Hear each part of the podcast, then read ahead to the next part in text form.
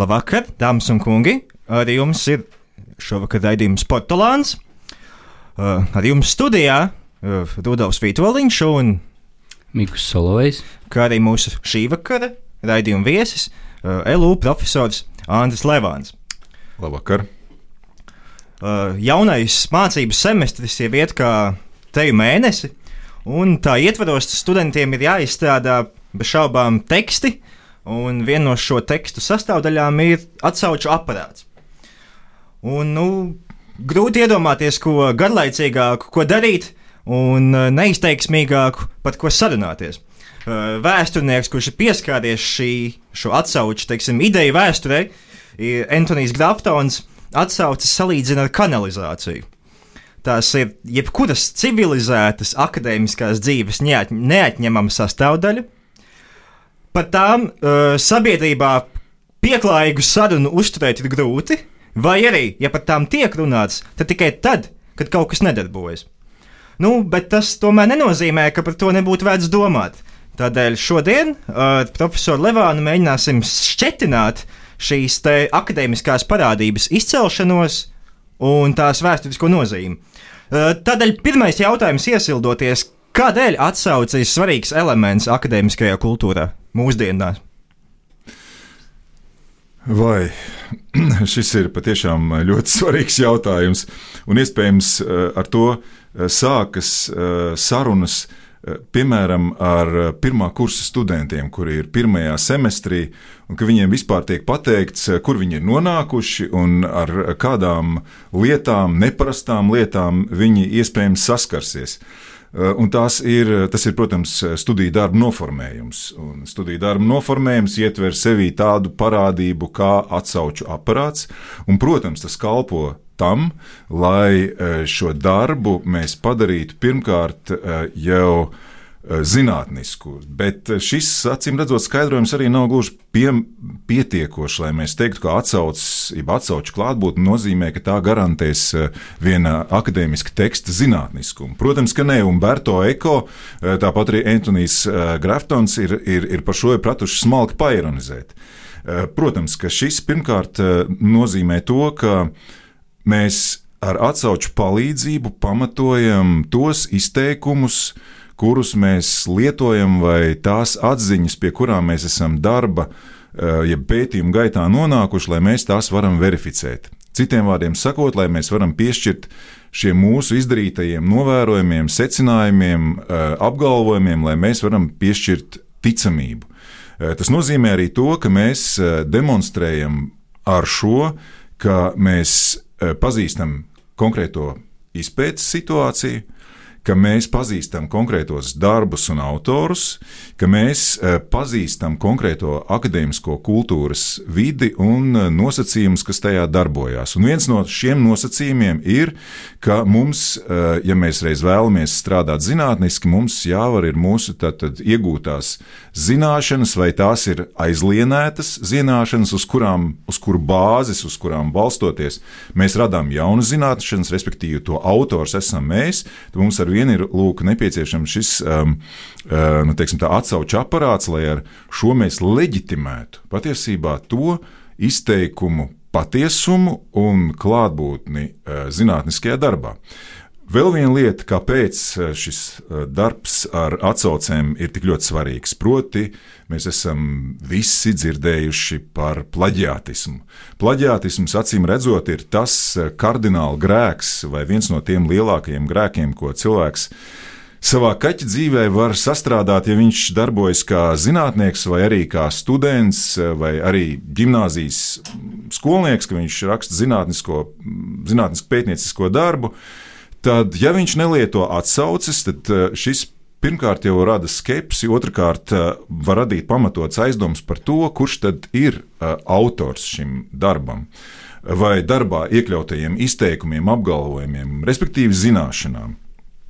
Un līdz ar to, ja mēs lūk šādi palūkojamies, tad atsauces ļauj mums izvairīties no aizdomām par plaģiātismu, Un līdz ar to tas ļauj jebkuram lasītājam pārliecināties par to, kam pieder autorība, konkrētu izteikumu un konkrētu zināšanu reprezentāciju gadījumos. Nu tā, protams, atsauces arī, jeb atsauču nozīme vēl izpaužas tajā apstākļā, ka tas ir veids, kā mēs dokumentējam tieši atsauču, ar atsauču palīdzību mēs dokumentējam izziņas procesu, kurā mēs konkrētajā brīdī, izstrādājot konkrēto zinātnisko darbu, atrodamies. Un, ja teiksim tā, dabas zinātnēs tie ir eksperimenti laboratorijās, kas arī tiek ļoti specifiskā veidā fiksēti, tad humanitārajās un sociālajās zinātnēs, proti, šis ir diezgan sarežģīts, šis atsauču pierakstu veids, kas lūk, arī ļauj šo izziņas uh, un pētnieciskā darba gaitu dokumentēt. Nu, lūk, tas būtu ne īsi, ne gari, bet par to, kas ir atsaucis un kāpēc mēs tās lietojam šodien. Šodien, bet tad kā būs ar senatni? Kad mēs un kur varam meklēt mūsdienu uh, zemesvītas piezīmes, uh, agrākos priekštečus? O jā, nu šī ir ļoti plaša tēma um, bez vilcināšanās, nē, es laikam vilcinājos tikko, bet bez vilcināšanās es varētu apgalvot, ka um, mūsdienu atsauču priekštečus, tā skaitā arī zemesvītras vai tā saucamo um, beigu piezīmju. Uh, priekštečus mēs varam atrast viduslaikos. Jau agrējos viduslaikos, pavisam noteikti. Senākie piemēri, nu, man negribas šobrīd um, varbūt aiziet tādā ļoti kutelīgā zonā, kur um, vēl ar vienu pētniecībā tiek nu, ļoti piesardzīgi ar to apiets, bet mēs noteikti varam teikt, ka 9. gadsimta pirmā puse vidus ir tas laiks, kad mēs varam pavisam noteikti konstatēt uh, tekstu un rakstu kultūrā uh, atsauču klātbūtni ar ļoti specifisku funkciju, jeb ar ļoti specifiskām funkcijām, ko tās veids gan attiecībā uz tekstu, attiecībā uz autoru un attiecībā uz lasītāju, jeb lasītājiem. Un uh, to formas ir ļoti dažādas, bet es pieņemu, ka par to mēs tūlīt runāsim. Jā, nu tieši pieskaroties šīm funkcijām, varbūt vēl papildinot fonu. Uh, Jebkura piezīme, komentārs vai arī svītrojums ir pirmkārt lasītāja atbilde uz lasīto. Tādēļ kāda bija lasīšanas kultūra viduslaikos, domājot tieši par pašiem sākumiem? O jā, tas ir ļoti labs jautājums. Katrā ziņā īsa atbilde varētu būt šāda. Ir tāds autors, Hugo no Svētā Viktora abatijas. 12. Uh, gadsimta pirmajā pusē, tad 1120. Uh, gados, varētu teikt, ir viņa uh, Ziedu laiki viņš bija Parīzē, Svētā Viktora abatijā. Tā bija katedrāls skola, kurā viņš bija mm, profesors. Viņš ir dažādu teoloģisku, bet tajā skaitā arī encyklopēdisku un vēsturisku traktātu autors. Viens no šādiem traktātiem ir Didas Kalikon ar ļoti sarežģītu, ļoti ietilpīgu um, virsrakstu sengrieķu valodā, kur um, aprakstošs tulkojums varētu būt skolnieka saruna ar skolotāju vai skolotāja padomi skolniekam. Un tur viņš cits starpā raksta, ka tieši par lasīšanu. Un viņš saka, ka cilvēks lasa klusi murminot pie sevis. Tā viņš raksta par sevi. Tas ir tas, ko viņš ir mācījies. Nevēlt latīņu valodā ir tāds vārds murmurāre, kas tieši to arī nozīmē. Klusi murmināt, jeb klusi runāt, klusi lasīt skaļi, it kā pie sevis. Tā ir viena forma. Tātad, ja mēs iedomājamies, ka klosteris ir tā vieta, kur cilvēkiem ir jāievēro klusums, eh, kā to nosaka klosteru iekšējās dzīves not, kārtības noteikumi, tad patiesībā tā ir ļoti skaļa vide. Nu, ja mēs iedomājamies, ka ir vietas, eh, tātad celles, eh, klostera baznīca, kur patiesībā šī lasīšana Klusi nozīmē to, ka tā ir tāda zināmā murdoņa, tas ir murdoņas fons, kas piepilda šo telpu. Otrs ir lasīšana iekšējā balsī, sevī. Tas ir, ka mēs eh, visu, ko mēs eh, lasām, mēs patiesībā lasām skaļi iekšēji. Un patiesībā šis iekšējās skaļās lasīšanas formāts ir saglabājies arī šodien. Arī tā mēs lasām šodien, kas patiesībā mūsu lasīšanas tempu būtiski samazina. Bet šis, šī lasīšanas maniera, lasīšana nevis ar acīm, bet lasīšana ar balsi, jeb ba iekšējā balsī, faktiski ar muti, ar, ar mūsu runas aparātu. Lūk, šī ir forma, kas nāk no viduslaikiem. Kā to lūk, klosteru iemītnieki, proti, mūki, kā viņi to paši apraksta. Protams, vēl ir arī lasīšana priekšā. Es aizmirsu pateikt, ka jā, tad, tad viens otram mūki lasa priekšā, bet šī priekšā lasīšana arī parādās publiskajā telpā. Jo proti, ja piemēram runājam par dokumentāriem tekstiem, kas ietver likumus, normas un tā tālāk, kas plašākām sabiedrības daļām ir jāzina, tad, protams, tās tiek publicētas vai publiskotas skaļi nolasot konkrētai auditorijai. Nu, šīs tipiskās, lūk, skaļās lasīšanas vietas bija, protams, baznīcas. Tātad ne tikai liturģijas laikā, kur liturģiskie teksti tiek ne tikai rečitēti, skaļi lasot, melodiski lasot, retoriski pareizi lasot, bet arī, protams, tiek izdziedāti. Tātad, domājot par tiešām lūk, šo um, dievkalpojumu kanonisko norisi vai to kārtību. Nu, tātad šīs formas ir dažādas, to ir pietiekoši daudz, un daļu no tām mēs lietojam arī šodien. Tad savēlkot kopā, te, tekstu un grāmatu patērētāji bija. Nu, tekstu un grāmatu patērētāji mēs varētu šodien ļoti vispārināt teikt, paraugoties retrospektīvi, mēs varētu teikt, tā tie pirmkārt tie ir klosteri, tas ir, tā ir garīdzniecība, eh, tie ir intelektuāļi, kas, protams, varēja būt vienlaicīgi arī garīdznieki Un tie varēja būt cilvēki, kas ir iesaistīti nu, teiksim, pārvaldes funkcijās.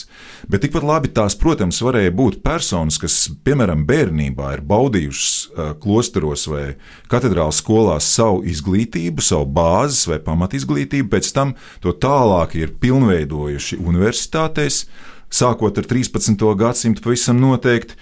Un, protams, ka lūk, darbojoties, mēs teiktu, tā šodien uh, sabiedriskajā sektorā. Nu, tātad tie varēja būt tirgotāji, tie varēja būt rādskungi, tie varēja būt arī amatnieki. Tātad faktiski ļoti plaša sabiedrības daļa, kura ir baudījusi vai guvusi lūk, klosteru skolas, katedrālas skolas izglītību, varēja piederēt pie tām sabiedrības grupām, kur patērēja tekstus, tos lasot, bet kas arī, protams, pati bija lielā mērā rakstošā sabiedrības daļa. Tad varēja jebkurā gadījumā arī producēt tekstus, kuri tika lasīti kaut kādās zināmās dzīves situācijās.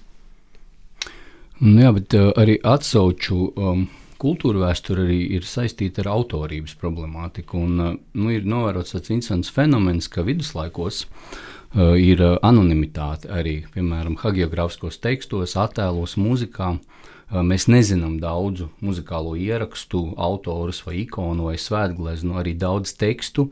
Autori ir palikuši noslēpums. Ja? Un šodien mēs runājam, ka autorība tas tāds moderns personāžs, autortiesības, citējamība, brands, ja radošais tēls ap, ir centrēts ap autoru, viņa personību un viņa īpašumu. Uh, un, bet viduslaikos mēs redzam, ka cilvēks ir daļa, viņš redz, ka viņš ir daļa no kaut kā lielāka. Un vai patiešām var teikt, ka viduslaiki ir anonīmi, un, un kāds tam vispār varētu būt iemesls?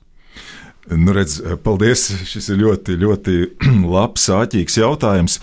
Eh, redz, eh, šī lieta nav tik vienkārša. No vienas puses, eh, no vienas puses ir tā, nu, paņemsim piemēru.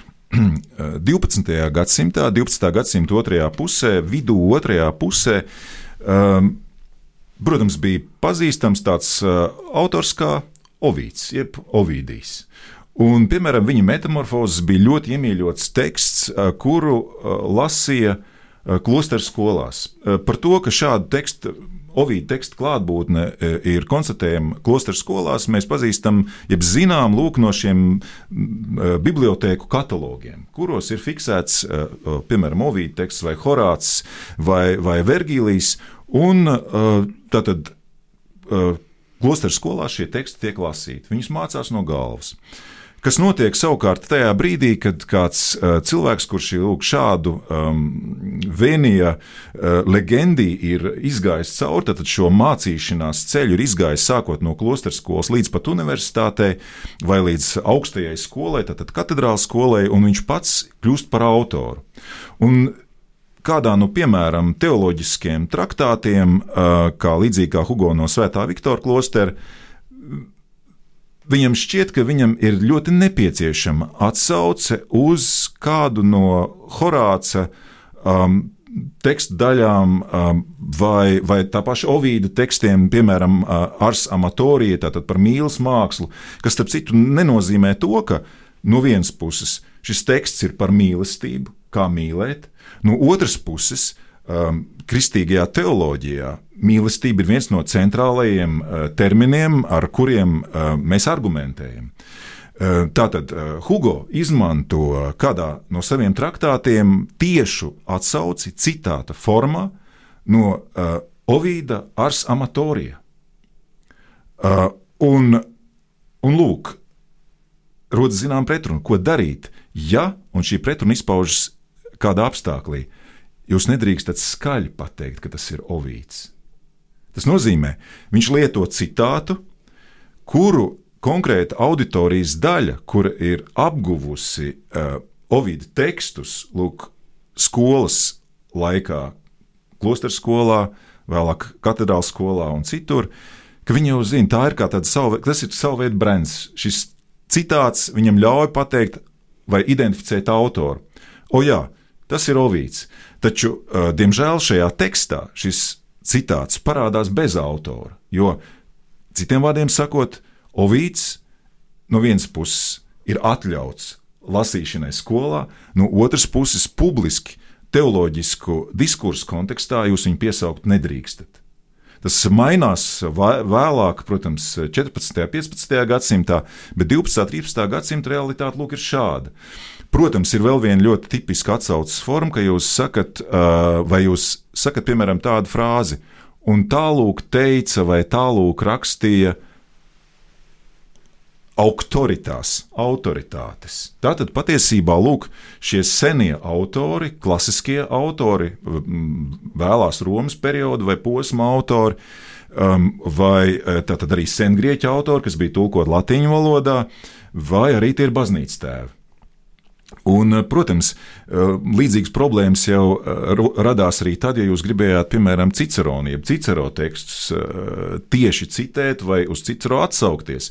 Nu, kas tad bija tā centrālā problēma ap šiem autoriem, kuri nebija kristieši? Nu, tieši tā arī bija viņa problēma, ka viņi nebija kristieši. Viņi kristietību nepazina. Un tieši tāpēc šo problēmu vajadzēja kaut kādā veidā atrisināt, un viens no šiem risinājumiem, ko piedāvāja, nu, piemēram, Dante, uh, ir divna komēdija, tātad dievišķajā komēdijā, ka lūk, viņš šiem antīkajiem autoriem, Aristotelim un vēl daudziem citiem mums mīļiem un tuviem uh, personāžiem un autoriem, arī tā skaitā viduslaikos, viņš viņiem lūk, liek uzturēties tā saucamajā limbo, ja, tā saucamajā priekšā priekštelpā uz elli. Jo viņi jau lūk, nav vainīgi patiesībā pie tā, ka viņi ir pagāni, jo, ja viņi būtu teiksim, dzīvojuši citā laikā, viņi ļoti iespējams būtu kristieši. Izejot no tā, ko viņi domā un kā viņi domā. Bet eh, kādēļ neparakstīja uh, attēls, piemēram, tā tomēr tā palikšana ēnā, kas joprojām ir saglabājusies pareizticīgo ikonogrāfijā, kad uh, autors neparaksta savu darbu? Tam ir viens ļoti būtisks iemesls. Autors eh, pirmkārt, ja nu tam nav īpaši iemesli, īpaši institucionāli iemesli, kāpēc viņam ir sevi jānosauc, eh, viņš uzskata savu darbu kā autors, viņš uzskata kā kalpošanu dievam, tam kungam. Līdz ar to viņš ar savu ambīciju kā autors, eh, neatkarīgi no tā, vai viņš glezno fresku, vai viņš raksta kroniku, vai viņš eh, ir dokumenta sastādītājs, um, un tā tālāk, un tā joprojām. Eh, viņa uzdevums ir lūk, kalpot tieši šādā veidā dievam ar savām prasmēm. Cits iemesls ir tad, ja, protams, kā piemēram Hugo no Svētā Viktora abatijas, ka viņš kā autors patiesībā no vienas puses ļoti labi apzinās, ka viņš kalpo dievam, taču viņš kalpo arī zināšanām. Viņš kalpo tai kopienai, kuras daļa viņš ir, un proti tā ir. Tā ir lūk, šī Parīzes katedrālas skola. Faktiski Eiropā viena no nedaudzajām tā brīža augst, augstskolām ar universitātes statusu. Um, Piemēram, tā saucamā uh, Indriča kronika, ko mēs arī diezgan labi pazīstam, patiesībā ir anonīms uh, darbs, uh, kura uh, kur mēs šajā situācijā esam atraduši risinājumu, eh, ko mums ir piedāvājis Johans Daniels Grūbers 1740. gadā, pierakstīdams šo tekstu kādam Heinricham vai Indriķim, eh, to latviskojot. Taču, ja mēs šo tekstu lasām ļoti uzmanīgi, tad mēs redzam, ka šis ir nu, faktiski ir tikai pieņēmums. Šis ir uh, bez nu, tā, ticamiem, ļoti ticamiem argumentiem izvirzīts pieņēmums, kā to starp citu arī formulē Johans Daniels Grūbers 1740. gada eh, Lūk, kronikas edīcijā. Eh, ne pavisam nepretendējot eh, uz galēju spriedumu savā atklājumā, pēdiņos, ka viņš lūk būtu atklājis autoru šim anonīmajam tekstam. Tā kā, ja teksts ir atstāts anonīms, tad autoram bija savi iemesli, kāpēc viņš to darīja, un arī otrādi. Ja viņš uh, ja kaut kādā veidā signēja, respektīvi parakstījās kā autors, tad, protams, tam arī varēja būt savi iemesli. Nu, piemēram, šāds, šādu mēs varētu gadījumu ieraudzīt uh, Lībekas Arnolda kronikā, kas ir sarakstīta 13. gadsimta pirmajā dekādē, kur uh, um, ievadā, jeb ievadrunā, uzrunā la, lasītājam autors arī pasaka, es tāds un tāds, es rakstu šo, jo mani lūdza to izdarīt, un es to daru pirmkārt manas kopienas dēļ, un viņš to dara ļoti interesanti Filipa no Raceburgas dēļ un vārdā. Jo Filips no Raceburgas, kas, starp citu, bija Raceburgas biskupijas biskups, uzturējās kādu laiku, starp citu, arī Livonijā, kā svētceļinieks, bija viens viena no atbalsta personām, starp citu, arī biskupam Albertam, sākot no 1211. gada. Lūk, um, Arnoldu, esot Filips no Raceburgas, lūdzis šo darbu uzrakstīt. Nu, tā viņš raksta pats. Kā bija, mēs nekad neuzzināsim. Bet tas, ko mēs zinām, tas ir autora vārds. Nu, labi, mēs esam ieskicējuši šo autorības un patērētāju pusi. Kur iekšā ienāk komentāri? Ak, vai? Un kas ir tie, kuriem ir tiesības to darīt, un kas, kas viņiem piešķir šīs tiesības? Nu, redz, tas ir arī viens ļoti, ļoti um, labs jautājums. Um, lasītājs šīs tiesības komentēt Eh, vai eh, jeb cit, jebkuru citu um, atsauču vai piezīmju veidu um, bagātināt uh, pamattekstu vai tekstu, ko viņš lasa, tad lasītājs piešķirs šīs tiesības sev pats. Cita lieta ir, ja lasītāja mērķis ir, mm, ja lasītāja mērķis ir mm, nu, tā, šo darbu saturu pārbaudīt, šo darba saturu papildināt uh, un šo darba saturu izvērtēt. Šis darbs var patiesībā beigu galā izvērsties par ļoti nopietnu, varētu teikt, mācīto cilvēku sarunu vai diskursu, kur autors, piemēram, anonīms autors, um, diskutē ar lasītāju gadsimtu vēlāk, pēc tam, kad teksts ir sarakstīts. Nu, viens piemērs, kas manuprāt ir ļoti labs un ļoti izteiksmīgs, eh, tas ir kāds 6. gadsimta uh, intelektuālis, proti, Priskijānus uh, no Cēzarejas. Un uh, Priskijānus sarakstīja 6. gadsimtā uh, gramatiku, tātad uh, valodai, uh, valo, valodas filozofijai, tā es gribētu teikt, veltīts atcerējumu. Protams, viņš skaidro sintaksi, viņš skaidro, skaidro vārdu morfoloģiju un, un, un daudz ko citu. Viņš skaidro arī, starp citu, ko nozīmē vārda skaņa, ko nozīmē vispār vārdu izrunāt. Viņš saka, piemēram, vārdu izrunājot, tas ir kā viegls vējš, kā kluss vējš, kur jūs jūtat pāršalcam vai izšalcam cauri telpai.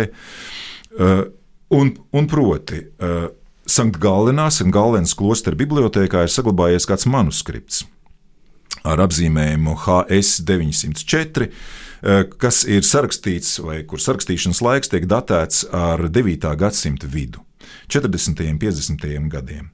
Šis manuskripts uh, Sangalinā nonāca no īrijas, jo, proti, kādā īrijas klosterī šis manuskripts tika radīts. Protams, mēs šeit varētu spekulēt ilgi un dikti par to, kā šis priskjāns, teiksim, uh, jeb priskjānus uh, gramatikas. Uh, pamatteksts, kurš acīm redzot tika pārrakstīts, nonāca īrijā, tad, pie īru mūkiem. Um, iespējams, tad, tad vēl tad, tad 9. gadsimta pirmajā pusē, sākumā Jebkurā gadījumā šis teksts, kas ir sarakstīts latīņu valodā, satur marginālijas un tātad komentāru formā piezīmes uz lapas pušu malām ap 9000 margināliju, pie tam sen īru valodā. Ir, tas ir unikāls piemērs. Lūk, ja mēs paraudzītos uz lapas pusi, kāda tā izskatās, tad mēs redzētu, ka lapas puse, kur pamata teksts ir izvietots lapas pusē ar regulārām maliņām, apmēram 2,5 cm platām uz katru pusi. Tas ir, protams, pergamenta manuskripts, un šīs uh, brīvās, šo brīvo laukumu ap lapas pušu malām aizpilda tātad lūk šie sen īru valodā uh, veiktie ieraksti. Ko mēs tur ieraugām šajos ierakstos? Protams, mēs tur ieraugām pirmkārt refleksijas par pašu saturu. Autors lasa šo saturu kā zinātājs, kā tāds, kurš pazīst ne tikai šo traktātu, bet acīm redzot šādu tekstu žanru. Tad viņš diskutē par gramatikas jautājumiem, par valodas filozofijas, valodas lietojumu jautājumiem. Viņš diskutē par to, kā šo valodas, valodu kā instrumentu viņš var izmantot piemēram sprediķī. Vai kā viņš var šo e, valodu izmantot, veidojot dziedājumu viņš uh, iet vēl tālāk. Viņš mēģina radīt arī kaut ko sev, proti, tajā brīdī, kad tātad rakstītājs, kurš raksta senīru valodā, acīm redzot, domā par to, kā lūk šo saturu, jeb saturā gūtās atziņas un zināšanas, kā viņš var piemērot, lūk, sarunās ar tiem cilvēkiem, kuriem viņš kalpo, proti, kā priesteris, kā cilvēks, kurš rūpējas par viņu teiksim, tā, garīgo, garīgo telpu, par viņu garīgo ekoloģiju. Protams, šīs jau ir tātad, institucionāls attiecības, draudzene, baznīca, priesteris, klosters. Nu, lūk, Tātad šis ir viens no piemēriem, kur, kur mēs redzam, ka lasītājs ir kompetents. Lasītājs ir kompetents, eh, mēs teiktu, šodien akadēmiskajā literatūrā, vai, eh, vai izziņas, vai zināšanu literatūrā, kā šajā gadījumā šis traktāts par gramatiku, par valodu. Uh, Un, protams, arī kā priesteris, tātad viņš kā teologs pilda ļoti konkrētas funkcijas kopienā, kurā viņš tajā brīdī atrodas, un jautā pēc tā, kā šīs zināšanas viņš var piemērot praksē. Tātad šajā brīdī runa ir par to, kā šo, piemēram, liturģijas valodu, eh, baznīcas valodas tēmas, eh, arī tēmas, kas ir izlasāmas svētajos rakstos un pieejamas šajā brīdī jau piemēram, hieronīmu tulkojumā svētie raksta vecā un jaunā derība kā vulgāta, tad šo latīņu valodā sarakstītos Bībeles tekstus, kā viņš var adaptēt un padarīt pieejamus šai kopienai, kur saprot senīru valodu. Tad šeit mēs sastopamies ar teoriju un ar praksi. Ļoti konkrēti. Un, ja mēs paskatāmies vispār lūk, uz šo mm, tad, tad, piezīmi lapas pušu malās, kuras bieži vien aizņem diezgan ievērojamu telpu, kā parateksts iepratī pamattekstam, tad mēs ieraugām to, ka autors, protams, vispirms strādā ļoti individuāli un subjektīvi, tad vispirms sev. Bet šis darbs sev un ar sevi, mēģinot izprast, mēģinot iedziļinoties, rāda to domāšanas, un uh, diskursa sarežģītības pakāpi. Viens piemērs vēl, ja es drīkstu uh, aizņemt ēteru laiku ar šādām uh, lietām un pārdomām, ir viens piemērs, uh, piemēram, no 16. gadsimta paša sākuma. Tas ir kāds plūtārhas atcerējums, jums noteikti ļoti labi pazīstams. Proti, tā ir, ir atcerējumi par ievērojumu cilvēku dzīvi. Plūtars ir antīkais autors, rakstījis sengrieķu valodā. Viņa teksti viduslaiku pasaulē patiesībā tulkojumos latīņu valodā ienāca nosacīti vēl, tā ir 14. un 15. gadsimta mija, un Austrijas Nacionālajā bibliotekā glabājas kāds eksemplārs. Proti, tas ir 1514. gadā latīņu valodā, tad, tad Plutarha sacerējumi par ievērojumiem cilvēkiem. Tātad tulkojums latviešu valodā ir iespiests, tas ir viens no senākajiem šī teksta iespiedu darbiem. Un tas, ko mēs redzam, šis iespiestais teksts tiek arī komentēts. Respektīvi, komentēts tiek Plutarks, kur um, komentators, kur vārdu mēs nezinām, un šeit ir lūk, tas, tas anonimitātes jautājums, mēs vairumā gadījumu nekad neuzzināsim. Kas ir bijis šis cilvēks vārdu pēc? Tātad, vai viņš bija Johannes, vai viņš bija Giovanni, vai kāds cits. Bet ir mūsu saglabājušās lūk, šis, šis nezināmās personas portretējums ar lūk, šo atsauču, piezīmju, komentāru, glosu. Um, tātad formā, un cits starpā viņš, lūk, šis nezināmais komentators, kur Plutarks apraksta kāda cilvēka, ievērojama cilvēka dzīves, tagad precīzi neatceros, laikam tas bija Cēzars, kurš, protams, ir bijis diezgan vitāls un uh, rīkojies ir spontāni. Mēs varbūt viņu spētu arī raksturot kā vidēji mēroga varmāku. Tad uh, Plutarks cits starpā diezgan bez izskaistinājumiem raksturo, bet savukārt margināli autors jautā, no kurienes šim cilvēkam tik daudz um, dusmu. Tātad margināli autors iet tālāk. Viņš ar savu komentāru palīdzību um, viņš lūk, turpina šo, varētu teikt, uh, psihogrammas izveidi, kuru ir aizsācis Plutarks. Viņš turpina šo izziņas procesu par vienu vēsturisku personību. Mēs varētu teikt, tas ir sava veida dekonstruktīvisms, eh, moderni izsakoties.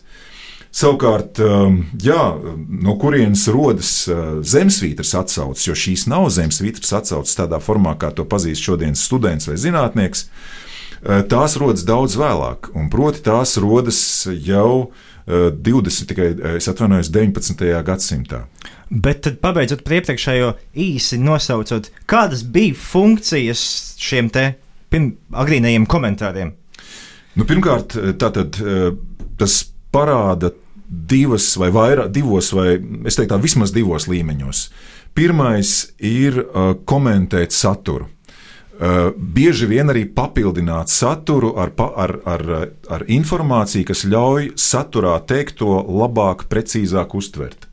Bieži vien tie, starp citu, arī tulkojumi. To mēs redzam, starp citu, arī uh, Bībeles tekstu tulkojumos latīņu valodā, tad citiem vārdiem sakot, svētā hieronīma tulkojumi, kas uh, 13. gadsimtā tiek bieži vien šie ar roku rakstītie Bībeles manuskripti tiek komentēti. Citiem vārdiem sakot, bieži vien blakus, uh, turpat uz lapspušu malām pierakstot, piemēram, senebreju valodā vai haldiešu valodā attiecīgos fragmentus vai sengrieķu valodā. Tas nozīmē, ka lasītājam, ja tas ir priesteris un viņš lūk pazīst šo daudzvalodību, viņš orientējās šajās dažādajās valodās, tad viņš spēja pārliecināties par to, cik precīzs ir šis tulkojums. Tas pats attiecas uz to, ko mēs saucam varbūt šodien par dabas zinātnēm vai par teoloģiskiem vai, vai, vai, vai vēsturiskiem traktātiem, kur tātad šis marginālijas vai glosas autors, citu, tas attiecas arī uz tiesību tekstiem, viņš dod papildus informāciju, kas palīdz saturu precīzāk saprast. Eh, nākamais ir, eh, protams, līmenis, ir, kad tiek doti avoti, no kurienes informācija ir iegūta. Tas attiecas vienā, otrā gadījumā, vai jā, pamatā jau laikam uz tiesību tekstiem, kā piemēram tā saucamās eh, dekrētu summas, jeb kanonisko tiesību summas vai kanonisko tiesību apkopojumi, kuriem ir dažādos laikos dažādi izcelsmi, sākot jau piemēram ar baznīcas tēvu periodu, jeb agro baznīcu kā institūcija, teiksim, jau 4. un 5. gadsimtā, un tā tālāk uz priekšu, respektīvi arī koncīlu dokumenti, jeb koncīlu lēmumi, kuri tiek komentēti ar norādēm uz, piemēram, senākajiem zināmajiem manuskriptiem.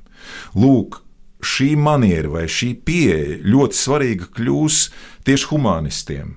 Eh, sākot jau patiesībā ar 14. gadsimta vidu, otro pusi, sevišķi 15. gadsimtā, kad humanisti eh, ar savu devīzi ad fontes, ja, tad, tātad pie avotiem, mēģināja rekonstruēt tīro tekstu. jeb to pareizo uh, teksta formu, nu, piemēram, domājot par uh, kaut vai par Cicero, jeb Cicerona sacerējumiem, vai um, Aristoteļa sacerējumiem, piemēram, par dvēseli, vai jebkuru citu, kas būtu ļoti svarīgs, jeb arī, piemēram, uh, domājot kaut par Aurēliju Augustīnu, jeb Svētā Augustīna sacerējumiem, kur bieži vien tā problēma bija, kas tad ir tas ticamais teksta variants. Vai tas ir tas, ar kuru mēs strādājam, vai tas ir tas, uh, kurš mums ir pieejams mūsu klostera vai mūsu um, universitātes bibliotekā? Uh, šis jautājums, acīm redzot, humanistiem īsti nedēļa mieru, un tad, kad viņi sāka lūk šos tekstus pārstrādāt, proti, lai iegūtu šo tīro nesamaitāto tekstu versiju, tad lūk, viņi patiesībā arī rada uh, modernās zemesvītras piezīmes priekštečus, kurās, kurās viņi tātad patiesībā uzrāda šos viņiem senāk zināmos rokrakstus vai uh, norakstus tam tekstam, ar kuru viņi strādā pamattekstā. Nu, tad mēs teiktu tā, tā ir Tie ir modernas teksta edīcijas principi, un modernā teksta lingvistika savus sākumus gūst tieši šajā, um, šajos uh, humanistu meklējumos pēc tīrās teksta versijas vai tīrās teksta redakcijas 15. Uh, gadsimta vidū, otrajā pusē. Tā, mēs atgriežamies studijā. Raidījums Portugāns, viesos profesors Andris Levans. Un tā tad turpinot sarunu par atsaucēm un to izcelsmi, uh, mēs pabeidzām uz šīs priekštečiem 15. gadsimtā. Um, izskanēja iepriekšējā komentārā uh, universitāšu faktors, tad varbūt pavisam īsi, cik lielā mērā universitāšu izplatība ietekmēja atsauču kultūras izplatību? Vai tur ir kāda saikne? Pavisam noteikti. Ja mēs runājam par uh, universitātēm, tad universitātes varētu teikt, bija šīs kolektīvās autoritātes, kuras uh, kuras, varētu teikt, ehm, ļoti būtiski ietekmēja nu, ne tikai tekstu kultūru, bet arī teiktu, tā, uztveres un domāšanas kultūru attiecībā uz tekstiem, attiecībā uz autoritatīviem tekstiem. Nu, piemēram, nu, piemēram eh, Boloņas Universitāte bija lūk, šāda kolektīvā autoritāte, kas attiecās uz tiesību tekstiem, uz traktātiem, piemēram, par uh, Graciāna korpus juris kanonici, tātad par šo, uh, šo uh, kanonisko tiesību apkopojumu, vai, piemēram, Gregora, pāvesta Gregora 9. baznīcas dekrētu apkopojumiem. Pilnīgi viennozīmīgi. Boloņas universitāte bija tā, kur, kura garantēja šo tekstu autentiskumu, proti to, ka nekas šajos likumos vai šo likumu apkopojumos nav sagrozīts, nav mainīts. Varētu teikt, universitāte ar savu vārdu garantēja šo tekstu autentiskumu un nemainīgumu. Proti, šajā universitātē, jeb šīs universitātes skriptorijā, izgatavotajos lūk, tiesību tekstu norakstos, tika ielikti arī tiesību speciālistu komentāru. Nu, piemēram, bija tāds Bernardo no Pizes, uh, kurš bija viens no ļoti slaveniem 13. gadsimta lūk, dažādu šo uh, kanonisko tiesību apkopojumu komentatoriem. Un uh, 13. gadsimta otrajā pusē, nu, ja piemēram kāds klosteris, kāda biskupija vai tāpat uh, pāvesta kūrija Romā, ja vēlējās iegūt uh, autoritatīvu šo kanonisko tekstu, mēs teiktu, šodien izdevumu, tad, protams, viņi griezās pie Boloņas Universitātes un pasūtīja šādu norakstu, un to, protams, pa ievērojamu summu arī pirka. Varbūt kādu komentāru par šo, nu, es pieminēju, pirms pie, tika pieminēts. Uh, Šīs 900 uh, atsauces vienā tekstā. 9000. 9000. Uh, kā ar grafisko un tehnisko iekārtojumu šīm piezīmēm un papildinājumiem. Kā tas izkārtojas lapā? Jā, Kā tas tiek risināts? Jā, šajā gadījumā, ja mēs palūkojamies uz eh, šo uh, Priskjāna uh, gramatiku un uh, šiem komentāriem, tad tie uh, mūsu gadījumā šie 9000 komentāri pa visu tekstu izkārt, tiek izkārtoti gar lapspušu malām. Tā ir um, lūk, šī īpašā vieta, uh, kur izvietojas vai tiek izvietoti šie komentāri, piezīmes, norādes uh, visdažādākajā to uh, formā un izpildījumā. Tie var būt, piemēram, tas var būt tā saucamās lematā, jeb lemma, jeb mēs šed, šodien teiktu atslēgvārdi. Tad ļoti konkrēti jēdzieni, kas bieži vien tiek paņemti no pamata teksta, kā norādi uz to, ka lūk, skatīties šajā vietā, jo par šo jēdzienu vai ap šo jēdzienu veidojošamies doma, izteikums. Um, apgalvojums uh, koncentrējas, jeb uh, akumulējas, un to mēs varam ieraudzīt tajā un tajā vietā tekstā. Tad, tad šie komentāri Eh, papildinājumi, diskusijas, pārdomas, iespraudumi komunicē, protams, jeb korespondē ar pamattekstu, un eh, tās eh, lapspušu malas vai lapu malas ir tās vietas, kur šie komentāri tiek izkārtot. Bet šeit vēl nav, nu arī šajā gadījumā, runājot par priskajām gramatikas komentāriem, senīru valodā, mēs vēl neredzam šo zemesvītras piezīmi tādā izpratnē, kā mēs to lietojam šodien, vai tā kā to, piemēram, lietoja um, Leopolds Fonranke, vai kā to lieto, lietojam mēs šodien. Mm, jā, klausoties profesori par atsauču kultūru vēsturi, es tā no Boloņas universitātes uh, iestūrēju nedaudz domās 20. gadsimta 70. gadu Bronksā Ļoti dīvaina vieta. Jā, dīvaina vieta, bet uh, atsauču un citēšanas kultūra vēsture ir ļoti plaša. Un uh, ar citēšanu un ar atsauču kultūru vispār populārā mūzika uh, ir pazīstama, atpazīstama un, un tādā žanrā kā hip hops. Tā ir interesanta lieta, ka no medīvistikas tas tilts tā man apziņā aizgāja līdz Bronksai par to, ka 70. gados interesanti jaunieši, viņiem nebija mūzikas instrumenti, un viņiem bija vinila plates. Un viņi tās vinila plates ar tādu skreču metodu un atskaņošanu šurp turpu, uh, samplējot dažādas gatavas skaņdarbus, radīja uh, tādu apakšu ja, savai izpausmei, un tad viņi rečitēja virsū. Varētu teikt, tā, ka no šiem fragmentiem, citējot, atsaucoties, ja, apstākļi spiesti, uh, viņi radīja jaunu, jaunu skaņu, varētu teikt, tā, jaunu jēgu, jaunu tekstu no tā salipinātā, izveidotā materiāla. Un patiesībā arī tā hip hop ģenēze jau arī ar blūzu, ar džēzu ir, ka arī tur ir zināma citātu kultūra, ir jāapgūst muzikālā abece, jāsaprot konteksts. Eh, ko jūs šeit dzirdat? Jo, ja mēs runājam par kultūru citātiem, par citēšanu, par atsaucēm, ja, tad šis ir vispār ļoti spilgts eh, paraugs 20. Eh, gadsimta populārajā kultūrā un joprojām ir. Ja.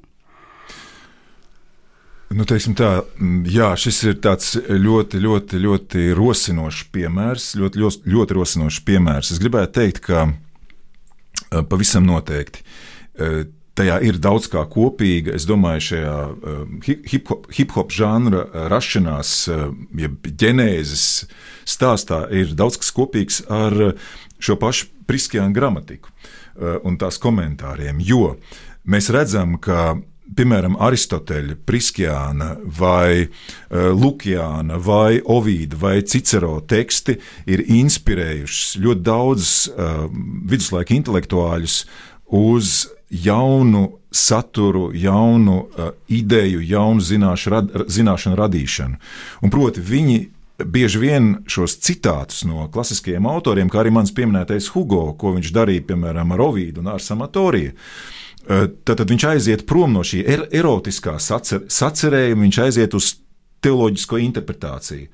Uh, un līdz ar to mēs varētu teikt, ka šie citāti bieži vien kalpo lūk tam, uh, vai kā pamats, kā inspirācija tam, lai radītu patiešām jaunu žanru vai jaunas pat zināšanas.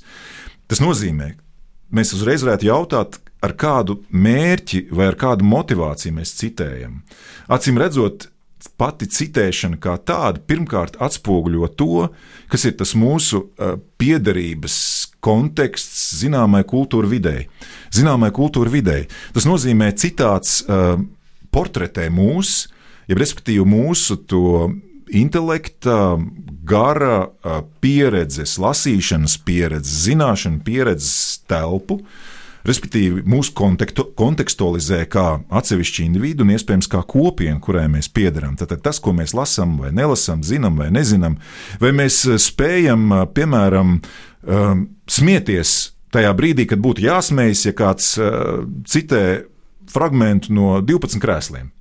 Vai ka tiek nocitētas rindas eh, no kāda populāra, nezinu, hip hop gabala, vai cilvēks spēja reaģēt uz to, tad šis reakcijas, vai ir reakcija vispār, vai reakcijas ātrums, vai šis ļauj mums šo piederību konkrētai kultūra vidē, mēs varētu teikt, jā, pat varbūt uh, kaut kādai grupai vai, vai, vai pat um, jā, nu kā lai es to nosaucu? Mēs varētu teikt, jā, tā ir pat īpaša uh, subkultūra, kurai mēs uh, apliecinām savu piedarību caur to, ko mēs citējam.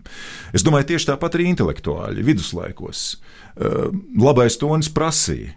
Ja jau tu reiz raksti par dvēseli, tad kā tad tu nepieminēsi Aristoteli un viņa sacerējumu par dvēseli? Kas bija kanonisks teksts faktiski. Mēs jau arī runājam par kanoniem, vispār runājot par tekstiem, vai runājot par dziedājumiem, vai runājot par dziedāšanu, par, par muziku, par muzikas kultūru, vai arī ikonogrāfijā. Tieši tāpat. Un lūk, šie citāti, kas, starp citu, arī uh, viduslaika ikonogrāfijā, viņi ir sastopami ik uz soļa. Ir tikai jautājums tāds, vai mēs, tie, kas mēs šo uzlūkojam, spējam to nolasīt.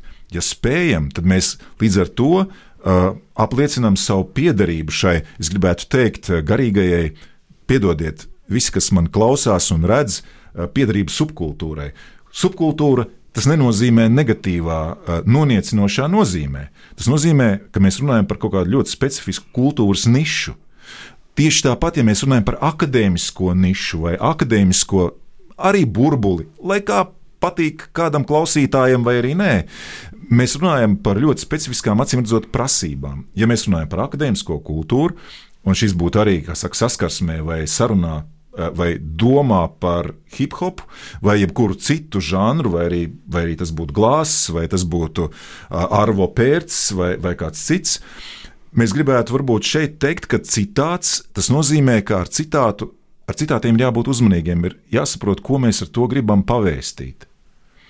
Kādai, ko mēs gribam leģitimēt ar šī citāta klātbūtni? Protams, acīm redzot, pirmais jau savu kultūra identitāti, tas ir viens.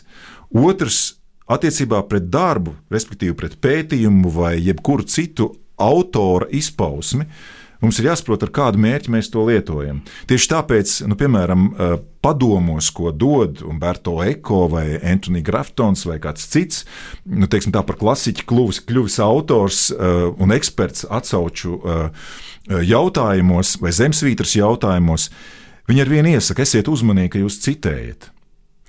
Neaizraujieties ar citēšanu. Izvēlieties jūs citātus ļoti, ļoti rūpīgi raugāties, uz ko šie citāti jūs ved.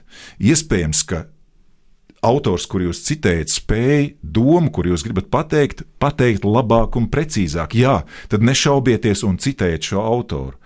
Lietojiet parafrāzi. Pārstāstiet šo citātu saviem vārdiem.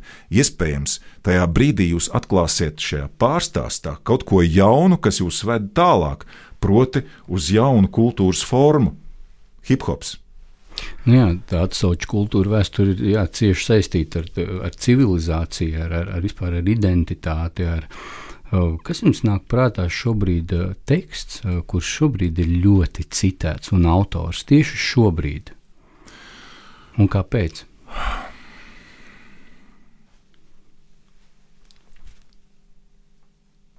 Ja es teikšu Rainis, tas varētu izklausīties mazliet nenopietni, bet es gribētu teikt, ka kultūras konteksts acīm redzot, bieži vien tiek iezīmēts ar dažādu tekstu palīdzību, kur ir ieguvuši kanonisku statusu.